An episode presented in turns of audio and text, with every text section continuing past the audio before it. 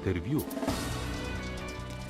Dr. Aleksandr Zadel je psiholog in specialist klinične psihologije s 30-letno prakso, ki odkrito in konkretno razlaga trenutne razmere epidemije COVID-a skozi odzive in doživljanja ljudi, tudi tistih, ki so se odkrito zoprstavili cepljenju in zaščitnim ukrepom, kot je obvezno samotestiranje otrok v šolah.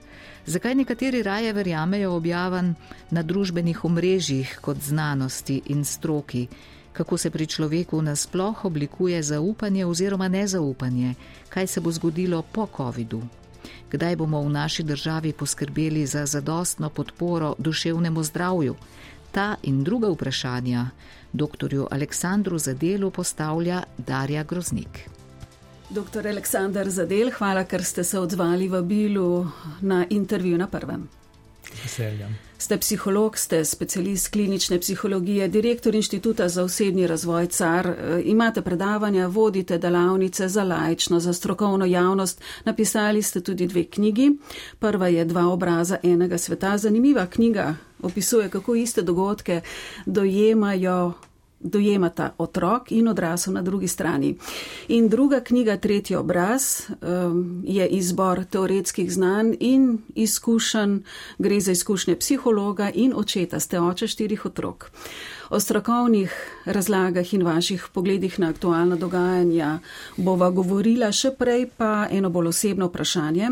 Kako vi kot oseba dojemate čas COVID-a? Kako se je dotaknil vas, vašega življenja? Vas je strah za vaše bližnje, zase? Ste tudi vi kdaj tesnobni, se počutite utesnjeno? Kako dojemate ta posebni čas?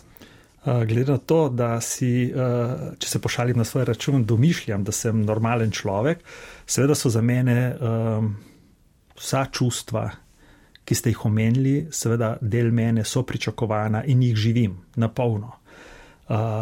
Upam pa, da sem v odnosu do teh tako čustev kot situacij, v katerih se nahajam, funkcionalen. Kaj to pomeni? Pomeni, da se znam tudi v strahu odločati, da znam tudi v zahtevnih situacijah, ki eh, zahtevajo od mene, da stopim iz cone obdobja, sprejeti tiste odločitve, ki so dobre tako za skupnost, moje bližnje in zame. In to je ena umetnost življenja, ki nam pomaga v najzahtevnejših okoliščinah, seveda, ostati osredotočen tako na sebe, kot na skupnost, ki vsi pripadamo in jo vsi sestavljamo. Torej, tudi vas kdaj zajame občutek tesnobe, strahu? Zagotovo, zagotovo, ja, z veliko začetnico, obe te čustvi. Samo kot vam pravim, ne, uh, spet se bom pohecal na svoj račun. Uh, jaz sem bil že na veliko svojih predavanjih ne, in dejansko nekaj pomaga. Ne. To, jaz živim to, kar delam, jaz, jaz sem to, kar govorim, meni, jaz sem ta psihologija. Ne? Torej, seveda sem prebral te knjige, znam citirati, vem, kaj je od koga drugega, kaj je moje, ampak jaz to živim, jaz sem to. Kako deluje COVID epidemija na ljudi? Vem, da je to zelo široko vprašanje, o katerem bi lahko govorili ure in ure, ampak bom skušala zožiti to vprašanje, ali karakteri, osebne značilnosti pridejo bolj do izraza. Naprimer, tisti, ki so bolj tesnobni, že po naravi bolj skeptični, postajajo še bolj skeptični, še bolj tesnobni v teh drugačnih časih.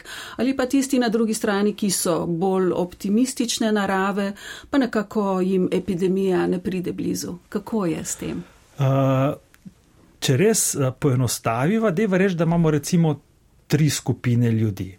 Imamo recimo eno skupino, ki odlično funkcionira v različnih življenjskih okoliščinah in izzivih, potem imamo eno veliko večjo skupino okrog povprečja, ki zadovoljivo, povprečno funkcionira, in eno zopet manjšo skupino, tako kot ta prvo, ki v bistvu izrazito, izrazito težko. Funkcionalno, to pomeni uspešno, zadovoljivo, učinkovito deluje eh, že v običajnih življenjskih razmerah. Potem se pa zgodi ena kriza.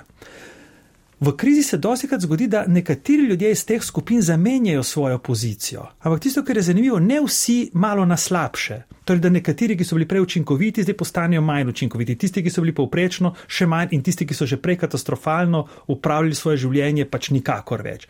Se zgodi potovanje tudi na drugo stran. Marsikateri človek, ki je prej povprečno upravljal ali zelo slabo upravljal svoje življenje, se v trenutkih krize, kot da bi se stresel, kot da bi ga nekaj predramlo in začenja sprejemati v svojem življenju lahko tudi zelo, zelo uspešne, modre, celostne odločitve, ki pomagajo tako njemu zopet, kot njegovim morda najbližjim, če gre za starša, partnerja in tako naprej. Ne?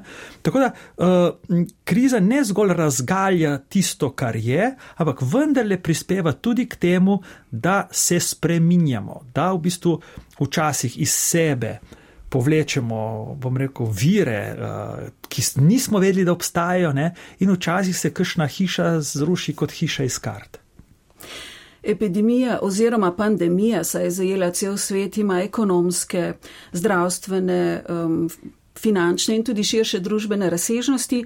Vsak val COVID-a se mi zdi, da prinaša neko drugačno dimenzijo. Me zanima, kako vi razmišljate, ampak meni se zdi takole. V prvem in drugem valu smo vsaj nekako medijsko veliko razmišljali oziroma veliko je bilo teh tem v zraku, kako imamo zdaj več časa za stvari, ki jih, za katere prej nismo imeli dovolj časa, da bomo zdaj bolj empatični, um, da bomo bolj skrbni, da se bo naš svet prevrednotil, ampak zdaj v četrtem valu, v katerem smo zelo globoko, je pa javni diskurs nekako obrnjen k delitvi na cepljene, na necepljene, cepivce, anticepivce, zagovornike, nasprotnike zaščitnih ukrepov.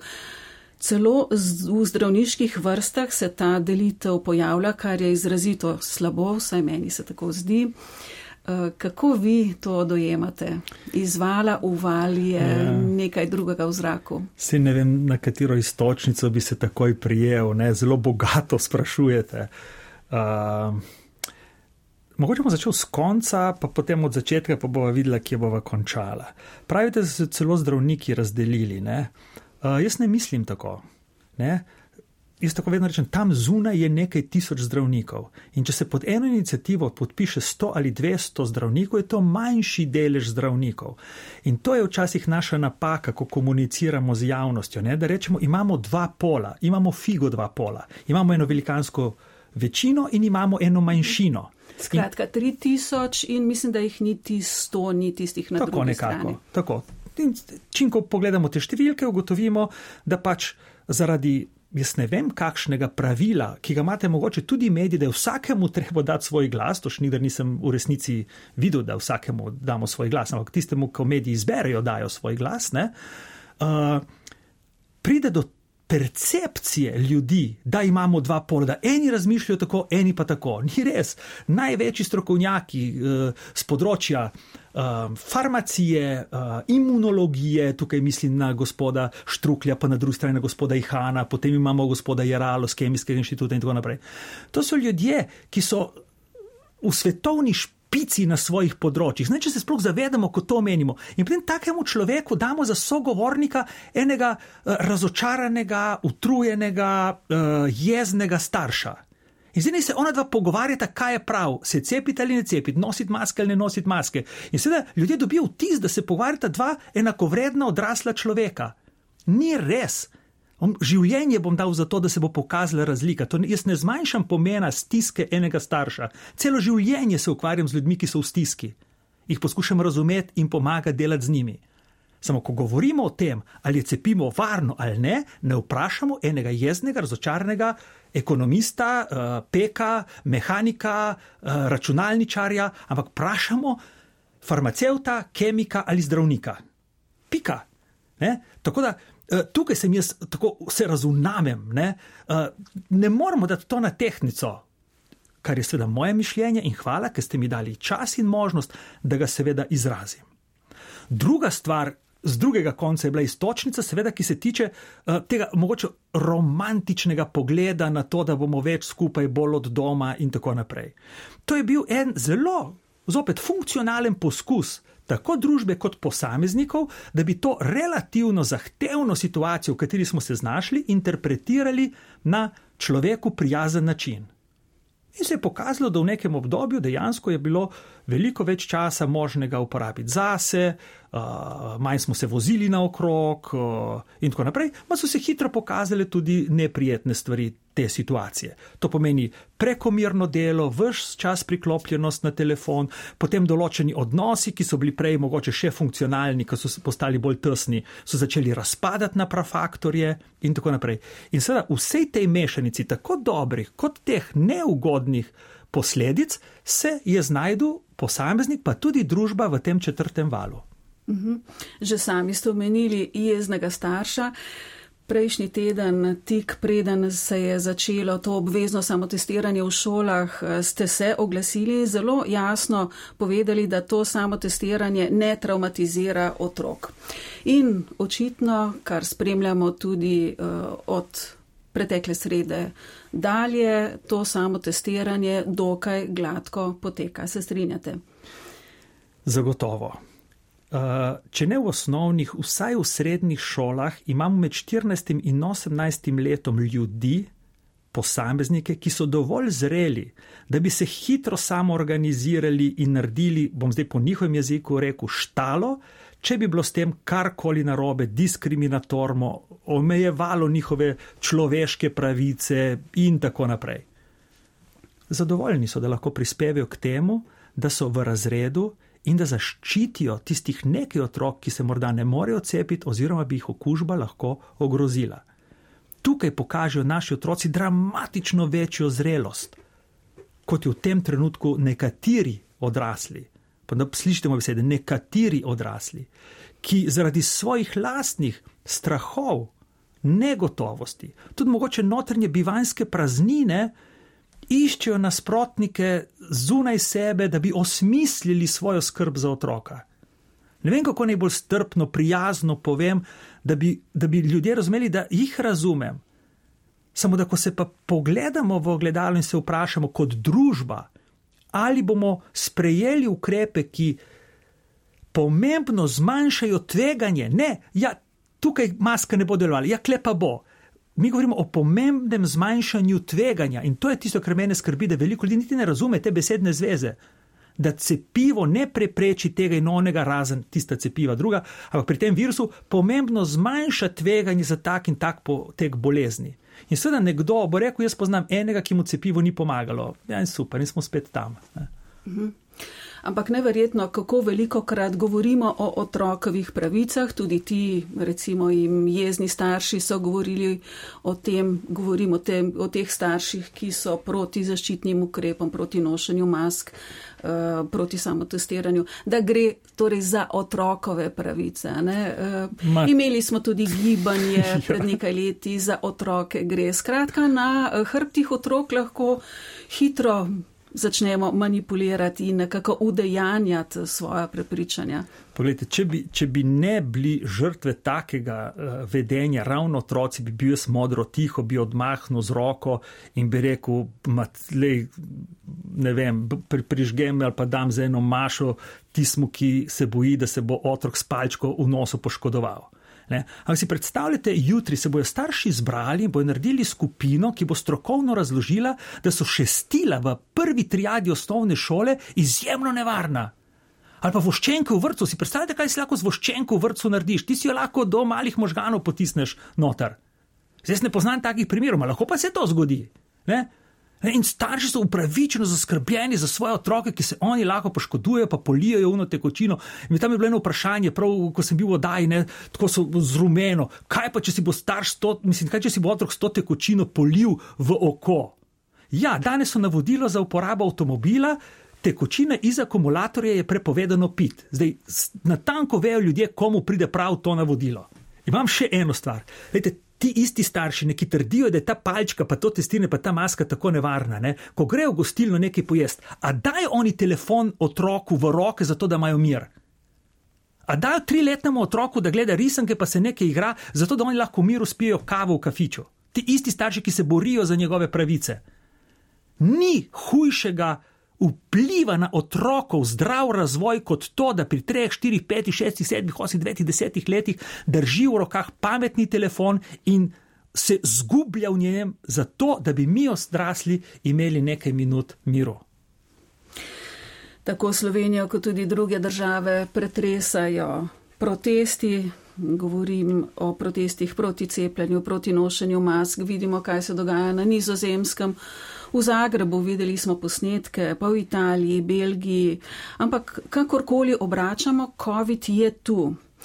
V ponedeljek se je v Avstriji celo začela popolna eh, zapora javnega življenja in gospodarstva, pa tudi na slovaškem, češkem ni nič drugače. Lahko, da bo to doletelo tudi Slovenijo, ne vemo. Ampak to me zanima, ti protestniki, deloma ste že odgovorili, je bistvo protestov, prej ste omenili strah, kaj pa nezaupanje, eh, kaj je krivo. Um, tej, temu nezaupanju, temu dvomu, čeprav je COVID tu, zanikovanje COVID-a se mi zdi res zelo naivno in problematično. Ja, uh, ima veliko stvari, je, ki vpliva na to, kako se družba uh, odzove. Um, družba je zelo heterogen, kompleksen, pa vendarle stabilen organizem. Družba ni hišica iz kart. Ne?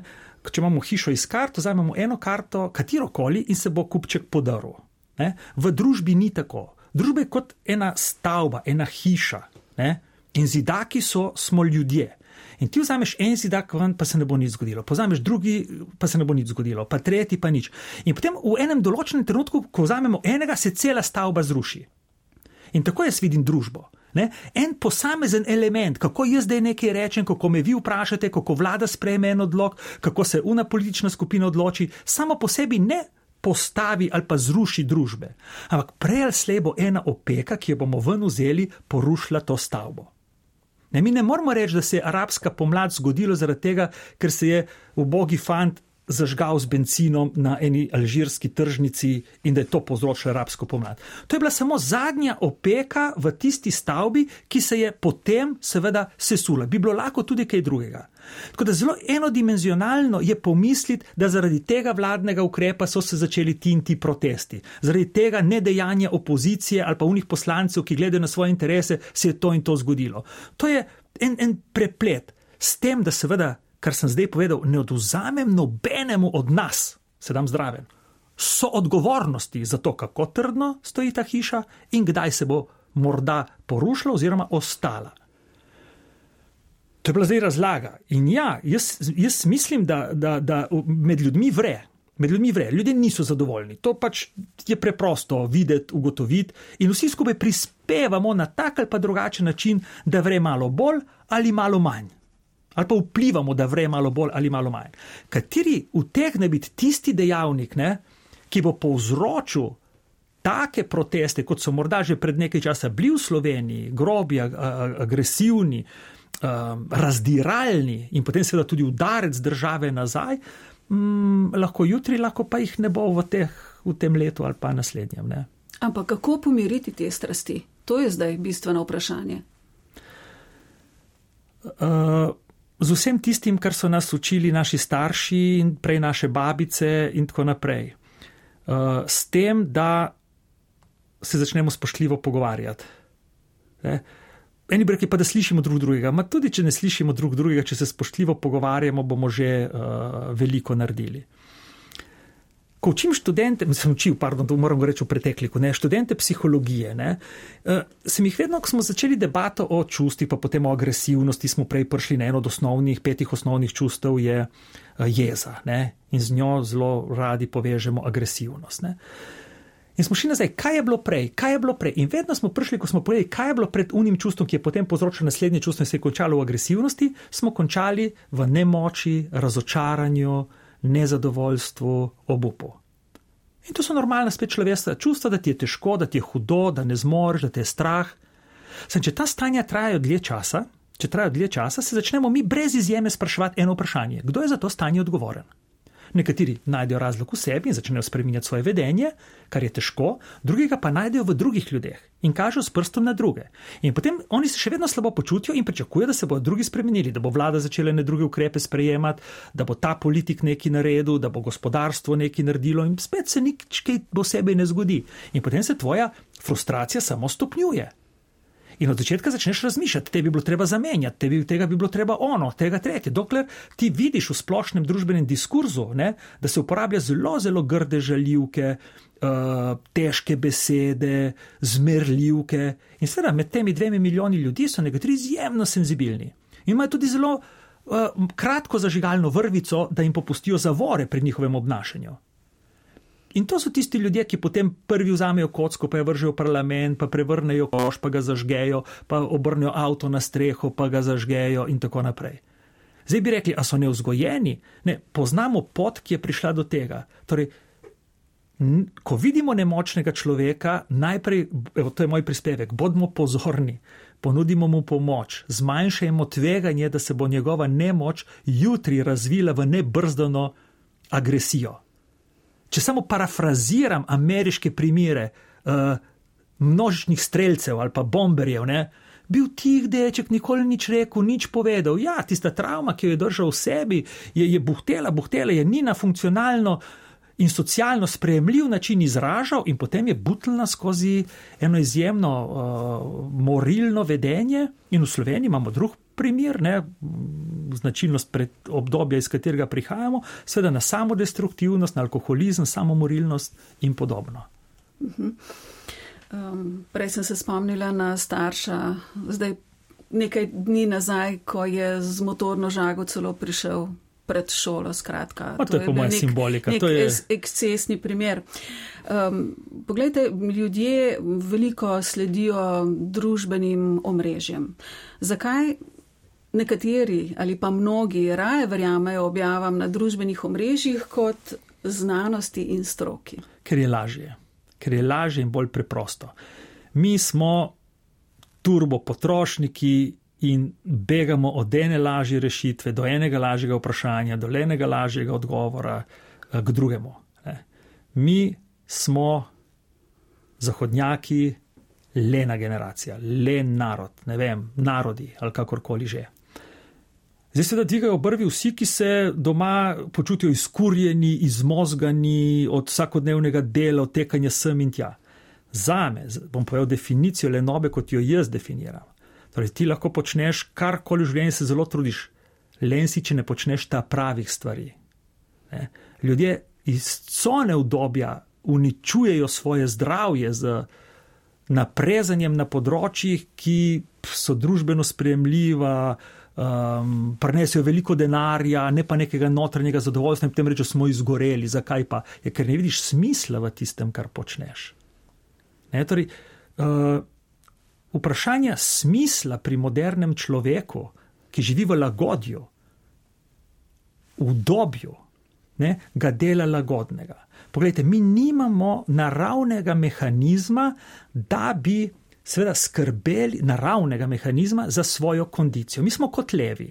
Lejte, če levi in mečemo čez ograjo uh, gazele in jo polon je, on ne reče o petih popoldne, zdaj pa gremo mi eno uro teč, da bomo hranili kondicijo, da ko nam ne bojo nehali metati gazele, bomo mi jih pol uh, lahko lovili po savani. Ne, oni sedijo in tako. Mi smo isti kolevi. Torej, če je lahko, bomo rajši naredili nekaj, kar je lahko, kot tisto, kar je prav. Zato pa imamo kognitivni aparat torej naše možgane, da lahko razmišljamo, kakšne posledice bo imelo naše vedenje, izbira našega vedenja na kasnejše, bom rekel, življenje. Lahko da menos prispodobo spet iz študentskih, bom rekel, vrst. Ne? Im rečem, zdaj imate dva, dva uh, predavatelja, en, en je oblečen kot angel, en pa kot hudič, ne? on oba sta Aleksandr Zadel. Ne? In oba super predavata, imata stop predavanja, uh, to se malo zmišljujem, ne seveda, ne? pa se šalita, pa ne vem kaj. Ne? Potem pa pride čas za izpit, ne? In ta, kjer je po božji oblečen, ne, gre stopite noter, pa reče, imate literaturo, lahko, lahko se zmenite, pogovarjate, če ne veste, kaj vprašate, bom, bom povedal, ne, in tam je pa hudičev, ne, tam pa jih posede v vrsto, enega za drugim, v tisto, kar znaš, znaš, če pripisuješ te vam požene, ne, kjer bomo šli na izpit. Jo, sedaj temu, ta prvemu, ne božjemu, se reko super, to je bil v resnici angelski, evo, uh, Aleksandr Zadel. Pa pa sedite čez deset let v eni šoli, v eni psihoterapevtski ordinaciji, na, na zidu visi diploma uh, fakultete, tam, kjer sem jaz predaval, in noter stopi človek, star 15 let in reče. Aleksandr, uh, jaz sem zdaj dobil pri matematiki cvek in bom imel zaključeno grajo. Jaz ne grem z grajo domov, jaz se bom obesil na prvi hruški, kle na poti domov, če ne greva midva in prisiliva učiteljico, da mi da dvojko. Kaj ste, kateri od njih dveh bo vedel, kaj narediti? Tisti, ki je imel angelskega uh, ali tisti, ki je imel hudičevega? Ja, seveda, oni drugi. Sigurno tako si predstavljate življenje. Ne? Pač ni lahke poti do znanja, ni lahke poti do, do blagostanja, do sreče. Ne? Ljudje sanjajo, da bo zdaj na loteriji in bojo pol srečni. Tako mislijo, jaz ne vem več, kaj bi tukaj še razložil. Da bi ljudje razumeli, da je to avtocesta do depresije, do zgubljenosti v življenju. To najbrž je v povezavi s tem, o čemer predavate. Um, poudarjate, da ima človek vedno možnost izbire. Je to tisto? Ja, to je izjemno človeško ne? in je seveda na prvo žogo izjemno naravno, da izbereš lažjo pot. Imáš dve stranki, kjer boš šel, jaz tisti, ki se boš prej zmenil. Uh, imaš, ne vem, dve službi, v kateri boš šel, tisto, ki je višja plača. V naravi, v savani je konkurenčnost okolja taka, da seveda vedno živali, levi sem prej omenil, gazele, uh, vse čas trenirajo svoje sposobnosti. Žal, ljudje smo ustvarili družbo in okolje, v kateri se z lahkoto na nekaterih področjih, ne posod, polenimo in potem nismo več funkcionalni v življenju.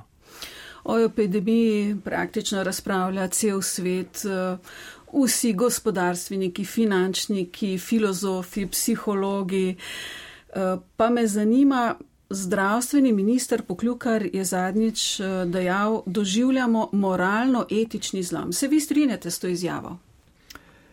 Mislim, mislim, da smo ga že doživeli in ga preživljamo. Ne, to nekaj, to je, zdaj v bistvu smo samo luč užgali, ne, kriza je samo luč prežgala, da vidimo, v kakšnem svetu dejansko živimo.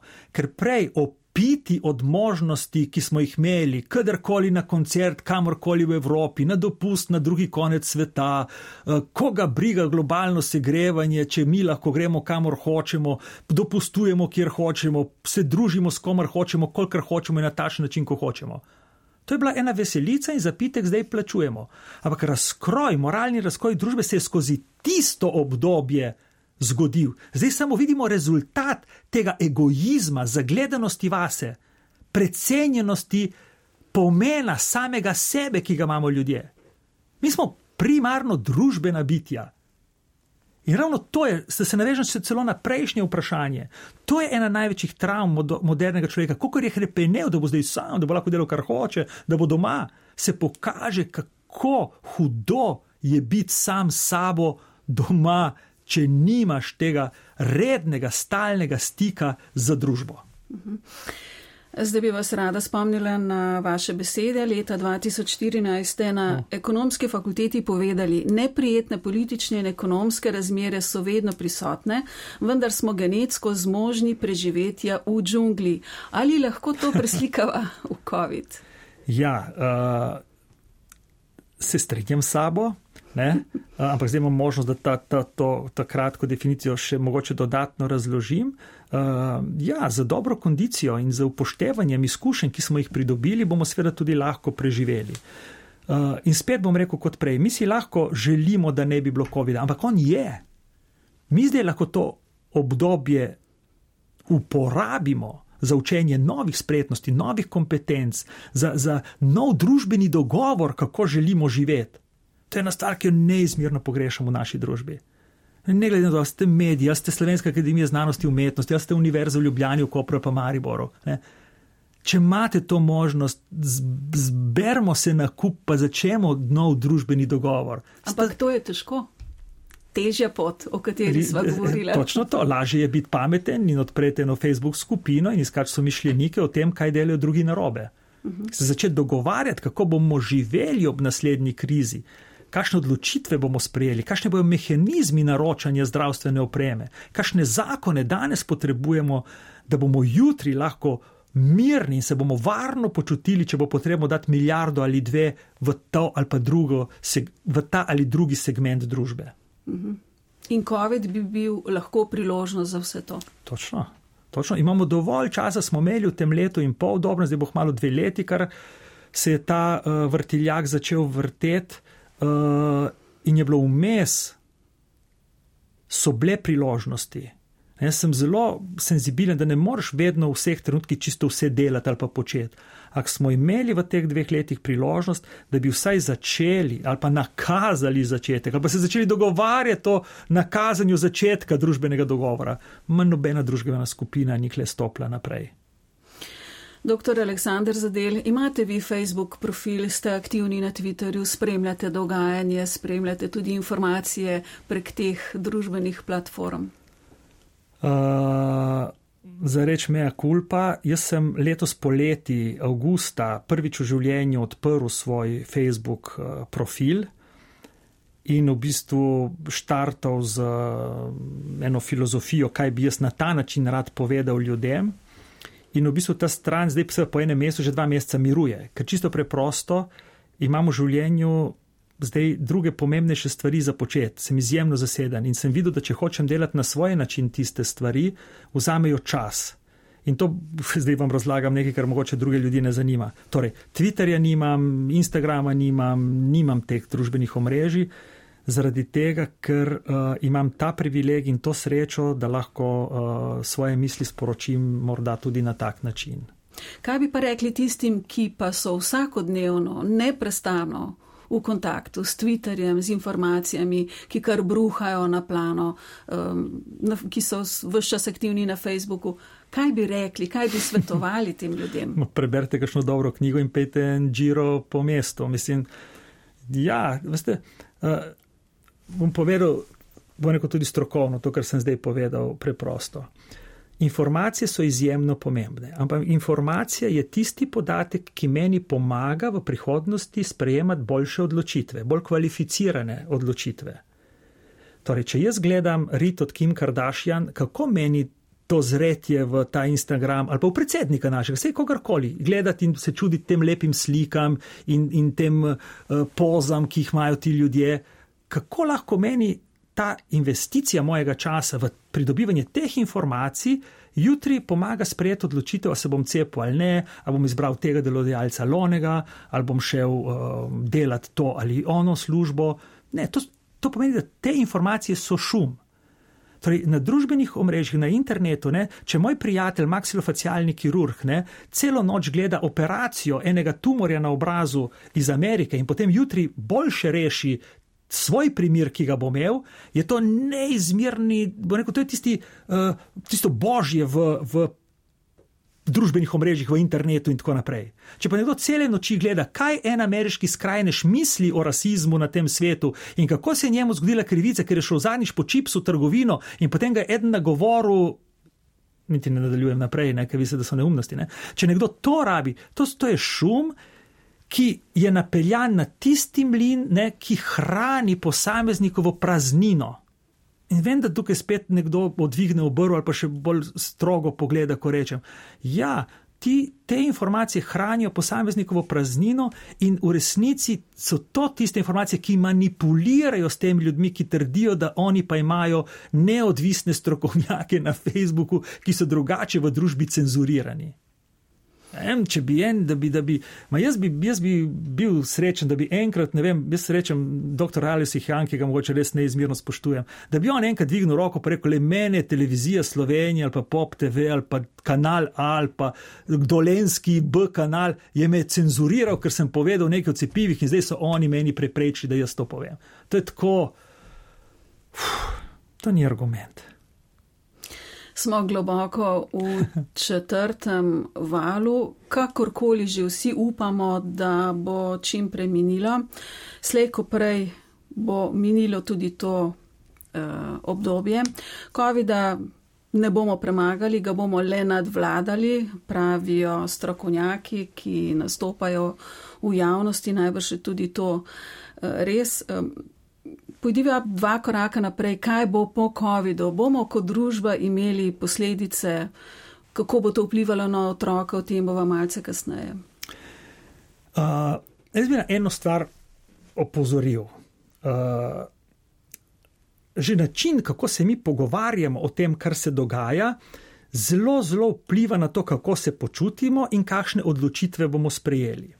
Če mi rečemo, recimo tako poprostimo, ne rečemo, nas bo doletelo zaprtje družbe, ali pa nas je doletela epidemija, ali pa epidemija bo minila, kot da priznavamo tem dogodkom, da se njihovo notranjo neko logiko, eh, ravnanje, neke kognitivne procese, ki se dogajajo.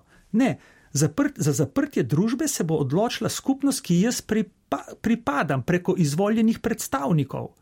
In tudi mene epidemija ni doletela, jaz sem dobil informacijo, da je epidemija in ne bom minila, jaz bom preživel to epidemijo. Jaz jo bom preživel, Aleksandr Zadel, tako ali pa, ali pa je ne bom mogoče, sej, boh ne daj, ne, ampak jo bom ali ne bom. Torej, ne, ob, ne obnašajmo se, kot da so to stvari, ki imajo svoje življenje. Ga nimajo. Mi dajemo tem fenomenom življenje, z načinom, kako se obnašamo do teh fenomenov epidemije, zaprtja eh, vlade, parlamenta, zdravstva, eh, svetovalne skupine, ne vem, ali pa mene kot enega eh, psihologa.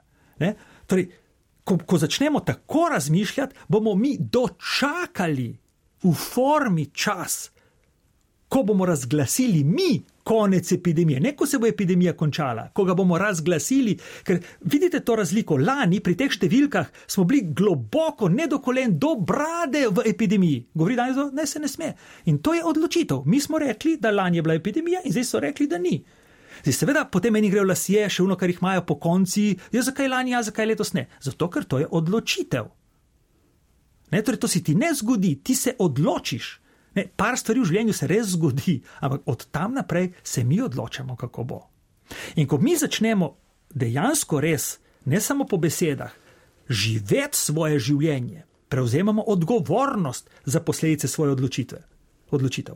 In privoščam vsakemu od nas, da v čas, ko bomo lahko živeli brez mask in tako naprej, pridemo v dobri kondiciji, pridemo vedri pridemo z upanjem, da bomo v malo manj zahtevnih razmerah še bolj uspešni in zadovoljni, kot smo danes. Torej, kako danes se obnašati, so že prej začela. Prva stvar je vljudnost, spoštljivost in pa pomoč drug drugemu. To so vse stvari, ki jih ta narod že nekrat pokazal, da jih zmore in zna in da jih tudi hoče.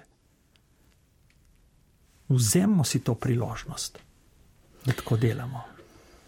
Doktor Zadel, duševno zdravje in otroci in mladostniki, še glede tega bi vas rada vprašala nekaj stvari.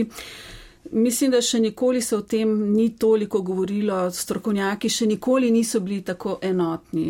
To je, mne, to je moje mnenje, da to vpliva na otroke in mladostnike. Dejstvo je, da je COVID vplival na socializacijo, ki je razvojna potreba za otroke in mladostnike. Eh, izolacije so povzročile stiske. Bom navedla nek podatek. Tom telefona, ki je edini telefon za otroke in mladostnike v Sloveniji. Ta telefon beleži zaskrbljujoč trend povečanja samomorilnega vedenja mladih. V prvih šestih mesecih letošnjega leta je vsak 15. kontakt na Tomu zabeležil samomorilne težnje. Pred COVID-om znaša petletno povprečje, vsak 50. kontakt je takrat, ko COVID-a ni bilo, beležil samomorilne težnje. Skratka, pred COVID-om vsak 50. kontakt, zdaj kar vsak 15. kontakt. Pa mogoče konkretno vprašanje, kako otrokom lahko pomagamo doma kot starši? Kakšen nasvet vi date staršem ki se soočajo s kakšnimi problemi doma, opazujejo svojega otroka, ki se zapira še bolj, um, je, ni tako socialen, kot bi moral biti. Kaj rečete, kaj svetujete? Mm. Če mi dovolite, bi spet razširil svoj odgovor tudi na.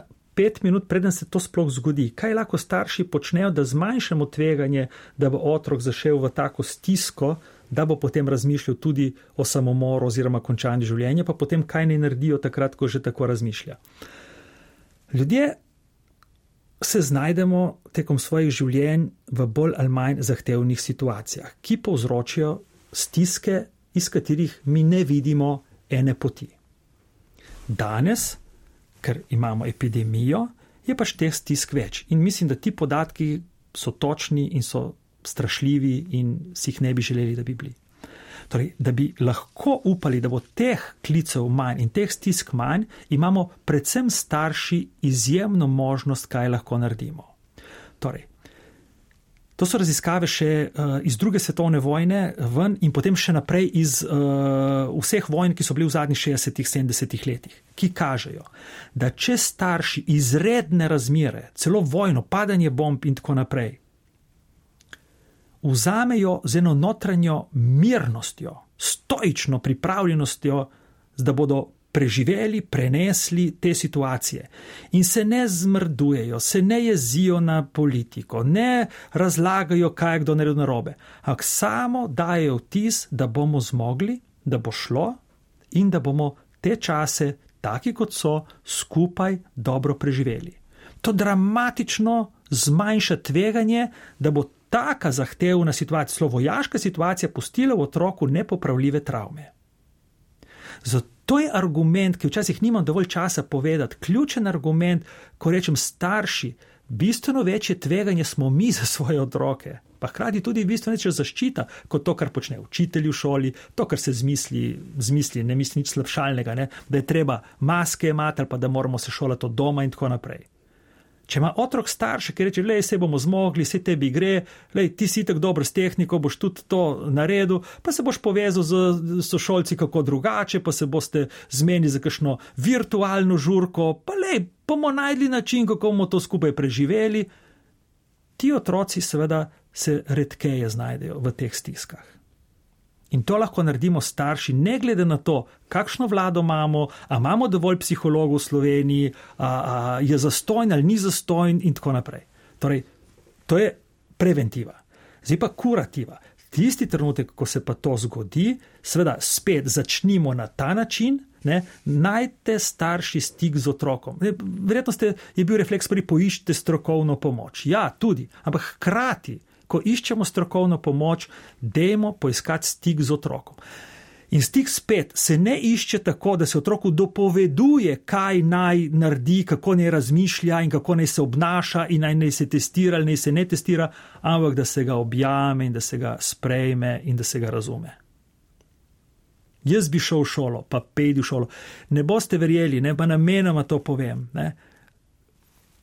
Vse sorte me kličejo, pa ravnatelji, pridi sem predavati, pa tja in tako naprej. In mi kažejo, mi kažejo iz, iz spovedi otrok, od rekel, tretjega, četrtega razreda, ko znajo pisati, pa do konca srednje šole.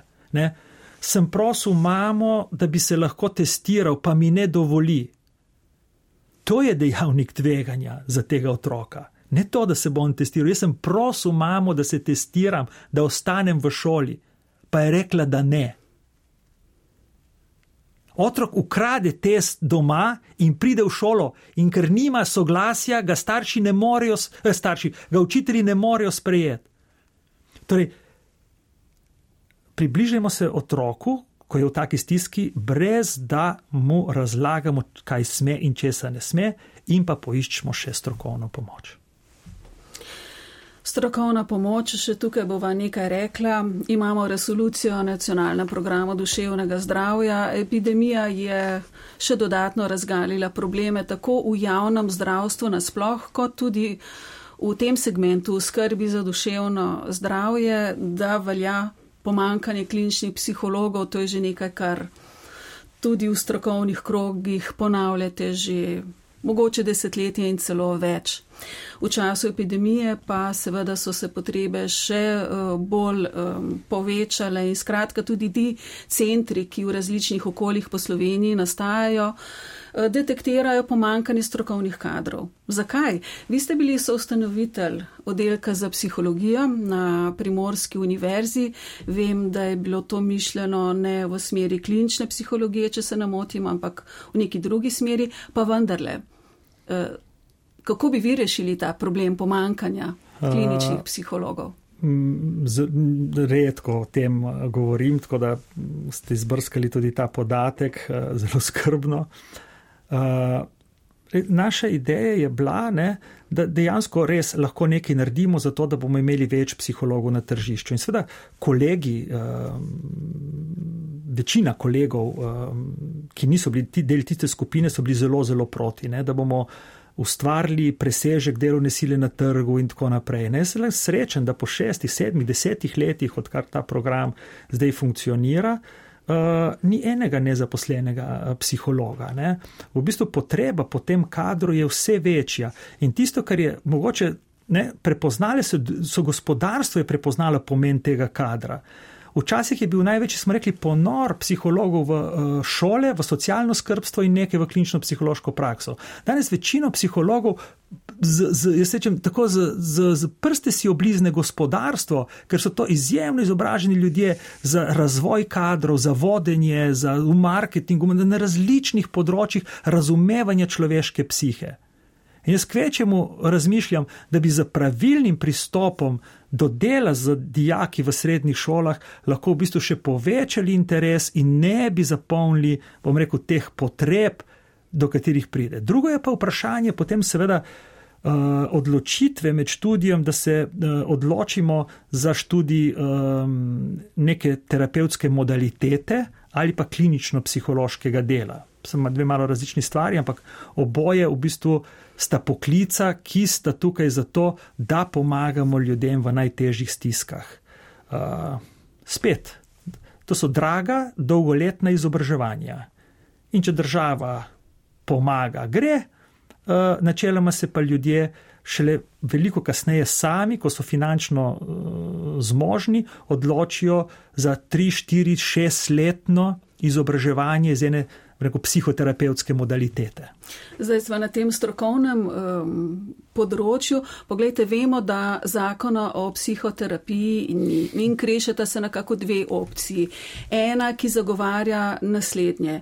Um, končati moraš ali psihologijo ali medicino in potem se specializirati in postati in tako lahko postaneš psihoterapeut. In druga opcija ki zagovarja, pač, da lahko se šolaš tudi drugače in da si psihoterapeut.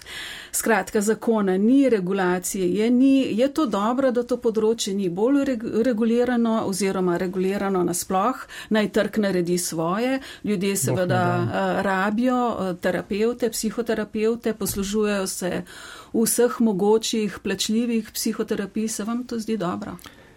Jaz tukaj uh, definitivno delim neizmerno soodgovornost uh, tak, kot, kot psiholog, da to se pač tem področjem ne ukvarjam, me, me strokovno ne zanima, uh, ampak se mogoče ravno zaradi tega čutim to soodgovornost. Um, jaz mislim, da to stanje ustreza ljudem, ne potencijalnim klientom, strankam, populaciji, ki potrebujete ljudi. Uh, Uh, tukaj zadnji ni nobenega resnega vprašanja, ki ga zreli ljudje, ki hočejo urediti to področje, ne bi mogli rešiti. Bi, bi lahko imeli uh, A in B licenco za tak in drugačen način dela. Ljudi, ki imajo, kako bi rekel, full izobrazbo iz tega področja, imajo te, bom rekel, diagnostiko, te stvari lahko delajo in oni lahko delajo nekaj drugega. To sreče terapija, tisto sreče svetovanje. Mi bi lahko vse to uredili. To spoh ni, ni težava. Ampak tisto, kar, kar je eh, na našem področju žal še vedno prisotno, je, da zaradi oskih osebnih interesov vidimo kolege, druge neke terapevtske šole, drugih, eh, bom rekel, poti, ki so si jih zadali v življenju, kot seveda uh, plenilsko združbo, ki udira na naše večna lovišča in nam poskuša oduzeti tisto, za kar smo se mi, naši detki in pradetki borili in nam hoče to iztrgati. Tako jaz vidim to, to, to nelepo plat slovenske psihologije. Jaz sem že 30 let, je odkar sem diplomiral uh, na psihologiji ne? in, in je vedno znova, ne? vedno znova se prihaja do istih teh rezultatov. Jaz ne verjamem, da če bi celo življenje posvetil samo temu vprašanju, da bi prišel na konec. Zato tudi nimam nobenega uh, volje, da bi se s tem ukvarjal, da bi temu podelil svoje življenje, ker ne verjamem, da bi bil uspešen. Uh, se mi zdi zelo pomembno, da se ukvarjam s stvarmi, uh, s katerimi verjamem globoko, da lahko vrnem tisto, kar sem se naučil v psihologiji, nazaj tako posamezniku ali družbi. Še zadnje vprašanje imam. Kaj bi rekli ljudem, ki jih ta COVID res utesnuje, vračava se k COVID-u, s tem sva začela, pač aktualna tema. Kaj bi rekli nasploh ljudem, kaj bi jim položili na dušo in srce, mogoče zelo na kratko? COVID ne utesnjuje nikogar, ne bi rekel. Mi izberemo, kaj bo ena informacija za nas pomenila. In mi lahko eno informacijo vzamemo zelo apokaliptično, lahko pa jo v bistvu uh, postavimo v kontekst svojih interesov, svojih zmožnosti, svojih želja, ki jih imamo v življenju, in potem, seveda, v teh zagotovo oteženih okoliščinah, kar epidemija je, naredimo, kot vedno pravim, tisto, kar znamo dobrega, tako za sebe in ne pozabiti tudi za druge. Mogoče celo obrnemo vrstni red. Ne? Izjemno polni ljudi, da naredijo nekaj dobrega za druge in vidijo, kako to udobno, lagodno, prijetno vpliva potem tudi na nas. Doktor Aleksandr Zadel, hvala lepa za pogovor in srečno. Srečno tudi vam. Hvala.